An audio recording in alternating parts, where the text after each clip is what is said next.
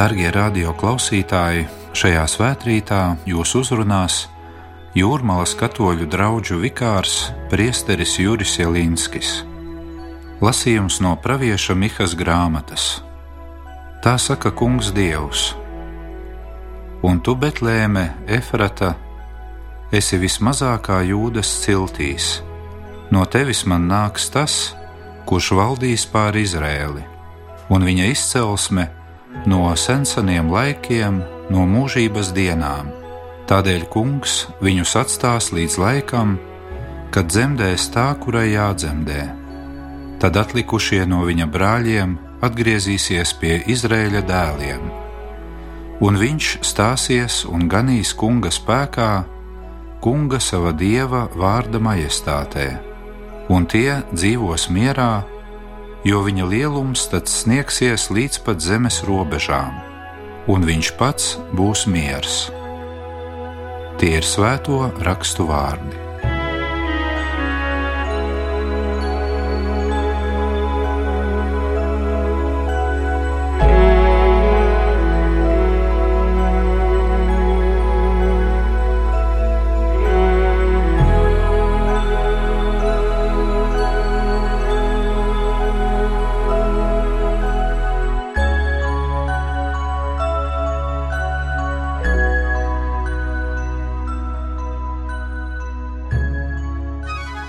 Kad līdz Ziemassvētkiem ir atlikušas vēl tikai dažas dienas, mūsu uzdevums šajā svētbrīdī ir pārdomāt, ko īsti šajos svētkos mēs svinēsim. Ticīgiem cilvēkiem tie būs Dieva dēla, Jēzus Kristus dzimšanas svētki. Daudziem citiem tās būs garākas brīvdienas, iespēja pabūt kopā ar savu ģimeni vai draugiem, vai arī doties kādā tuvākā vai tālākā ceļojumā. Lai arī kā mēs nebūtu izlēmuši svinēt Ziemassvētkus, mēs tik un tā savā dzīvē saskaramies ar šo svētku dziļāko būtību, kā arī saskaramies ar jautājumiem par mūsu, kā cilvēku, attiecībām ar Dievu.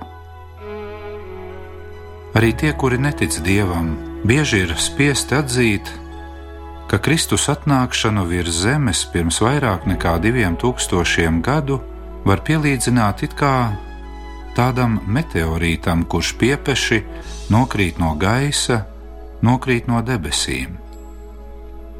Iespējams, ka ir cilvēki, kuri varbūt pat gribētu no šīs Jēzus atnākšanas atbrīvoties, bet tomēr to līdz galam nespēja.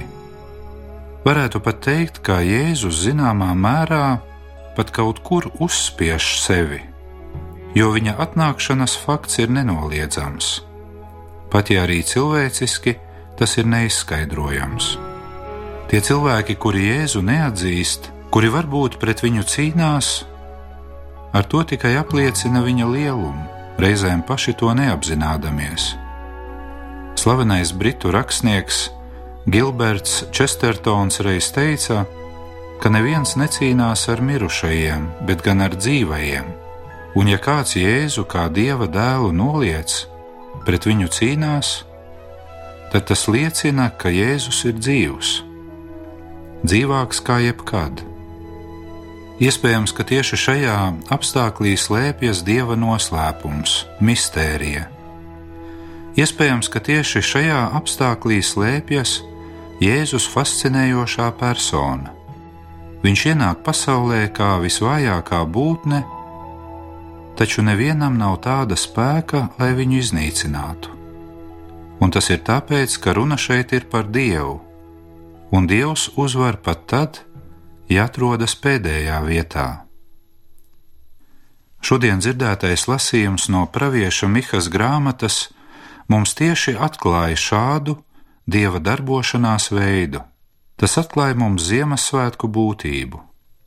Šis pravietis, kas dzīvoja daudzus gadsimtus pirms Kristus, no vienas puses redzēja Jeruzalemes ārējo spožumu un greznību, bet tāpat laikā redzēja arī tās korumpētību un degradāciju. Šis pravietis dieva iedvesmots saka, ka tas, kurš valdīs pār Izrēli, nedzims Jeruzalemes greznajos namos, bet gan vismazākajā no jūdas ciemiem, Betlēmē. Jā, Dievs izvēlas nevienam nezināmu Betlēmi, tāpēc, ka tai cilvēku acīs nav vērtības, tāpēc, ka ar to neviens nerēķinās. Un šādi Dieva izvēlētie kritēriji ir izcila paraugstunda mums visiem. Tā ir Dieva Ziemassvētku paraugstunda, un mums ir jāapzinās, ka šādi paši Dieva izvirzītie kritēriji darbojas arī šodien. Proti, līdz Betlēmei nevar nonākt un nevar atrast Dievu tas, kurš ir pilns pats ar sevi, kurš jūtas pašpietiekošs. Tiem, kam ir nācies būt Betlēmē, ir noteikti pamanījuši, ka Kristus dzimšanas bazilikā var ienākt tikai pa vienām durvīm, kuras ir ļoti zemas, un nepieliecoties to nevar izdarīt. Daži saka, ka šīs durvis tik zemu ir uzbūvētas tāpēc, lai beduīni ar saviem kamieļiem nevarētu šajā bazilikā iejāt. Tomēr patiesais skaidrojums ir pavisam cits, un tas visādā ziņā atbilst arī dziļai, garīgās dzīves patiesībai. Proti šīs zemās durvis ir atgādinājums svētceļniekiem par to, ka, lai nonāktu patiesā Ziemassvētku noslēpuma priekšā, cilvēkam ir jākļūst mazam un pazemīgam. Patiešām tikai tāds cilvēks, kurš jūt savas dzīves trauslumu un kurš savā dzīvē pazemīgi meklē Dievu, tikai tāds cilvēks agrāk vai vēlāk saprot, ka Dievs ir tuvu, un tāds cilvēks iegūs sirdī mieru caur ticību uz viņu. Visi citi ceļi, izņemot šo Betlēmes ceļu, pie Dieva nevar aizvest. Reiz kāds itāļu rakstnieks sarakstīja grāmatu, kuras nosaukums ir Es meklēju, bet nespēju atrast. Runa šai grāmatā ir par to, ka šis rakstnieks nespēja savā dzīvē atrast dievu. Un tas ir saprotams kāpēc, jo lasot šo grāmatu, var redzēt, ka autors ir ļoti pašpārliecināts par sevi, par saviem uzskatiem. Grāmatas lapusēs var saskatīt arī pagājušā gadsimta radikālās franču filozofes un ateistes Simonas de Beauvoiras pieeju, kura savus ticības meklējumus argumentēja apmēram šādi. Viņa teica: Ja Dievs ir, tad es viņam dodu trīs minūtes, lai viņš man sevi atklātu. Pagāja trīs minūtes, un nekas nenotika Man pietiek, problēma ir atrisināta. Jā, ar šādu loģiku Dievu nevar atrast. Dievu nevar atrast, noslēdzot mūsu prātojumus, bet Dievu var atrast, noslēdzot dzīvi, kura ir pazemīga, patiesa un atvērta uz gaismu. Tikai tas, kurš ir pazemīgs savos meklējumos, kurš nesamierinās un neslēpjas aiz viduvējiem secinājumiem par Dievu, tikai tas nonāk pie viņa. Un nonāk pa Betlēmes ceļu, jo tikai šis un vienīgi šis ir Dieva ceļš. Nobela prēmijas laureāts, Krievu rakstnieks Aleksandrs Solženicins, pēc tam, kad bija izcietis padomju laika lēģera smagumu, ar izbrīnu reiz teica: Man par pārsteigumu tajos briesmīgajos gados es sapratu, ka salmiem, uz kuriem es barakās gulēju, bija tāda pati smarža kā salmiem, kuri bija Betlēmē. Jā, reizēm var būt tikai vispazemīgākajā stāvoklī cilvēks spēj sastapties ar Dievu. Reizēm cilvēks sastop Dievu atrodoties dzīvē pašā pēdējā vietā, un tad tā vieta kļūst par Betlēmi. Arī kāds slavens angļu žurnālists Malkolms Mudžeričs 1983. gadā, 79 gadu vecumā, sastapa Dievu. Kā vēlāk pēc kristības pieņemšanas viņš atzinās, viņš Dievu nenogurstoši bija meklējis visu dzīvi un beidzot satika viņu nabadzīgajās Kalkutas ielās Indijā. jo tur viņš sāka iet mātes Terēzes nabadzības un pazemības skolā. Mēs droši varam teikt, ka māte Terēze arī gāja Betlēmes ceļu. Var pat teikt, ka viņa dzīvoja Betlēmē.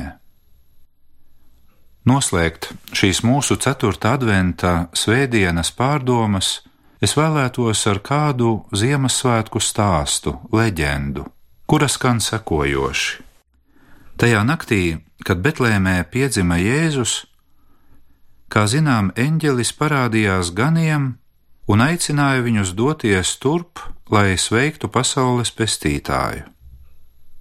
Atnākuši uz Betlēmi, gani ieraudzīja Jāzepu un Mariju, kura uz savām rokām auklēja jaundzimušo Jēzu.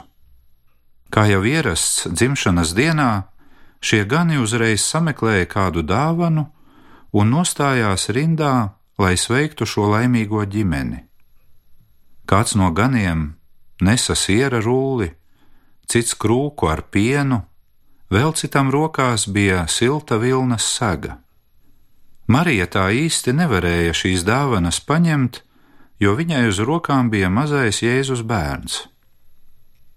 Bet te piepeši viņa ieraudzīja kādu nabadzīgu ganu, kurš mazliet nokaunējies stāvēja nomaļus, jo viņš bija tik nabadzīgs, ka viņam nebija ko dāvināt, un tāpēc viņš nestājās sveicēju rindā.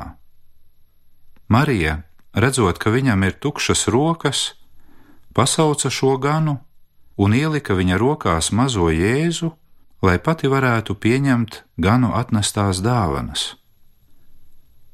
Lūk, tuvojoties Ziemassvētkiem, gribētos novēlēt mums visiem justies vismaz nedaudz tā, kā jutās šis nabadzīgais gans.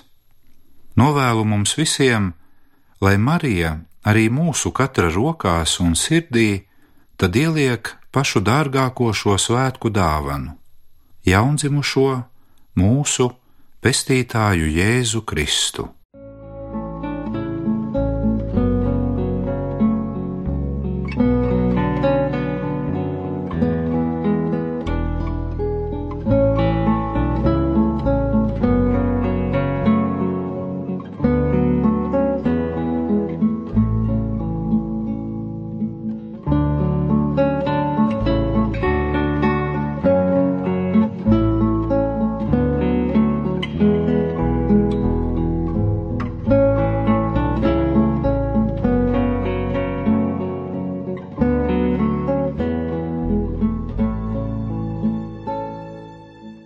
Lūksimies!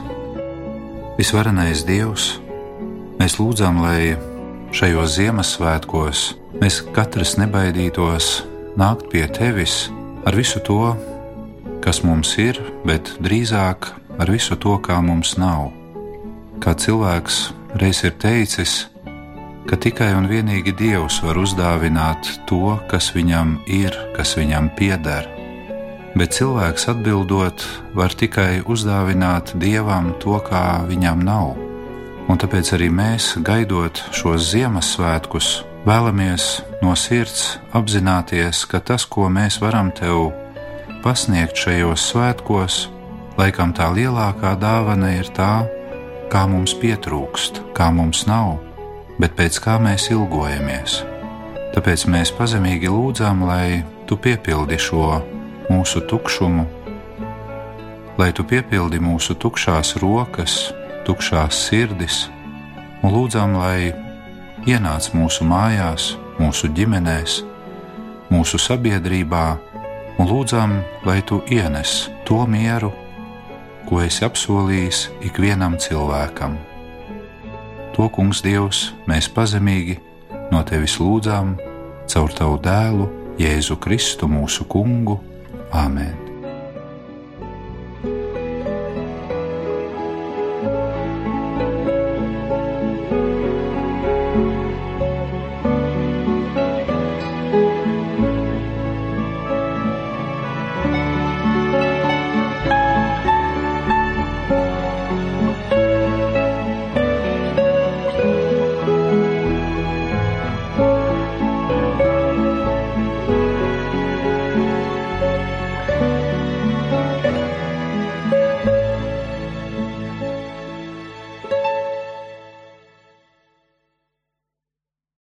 Šajā svētkrītā kopā ar jums bija Jūrmalas katoļu draugu vikārs priesteris Juris Jelinskis.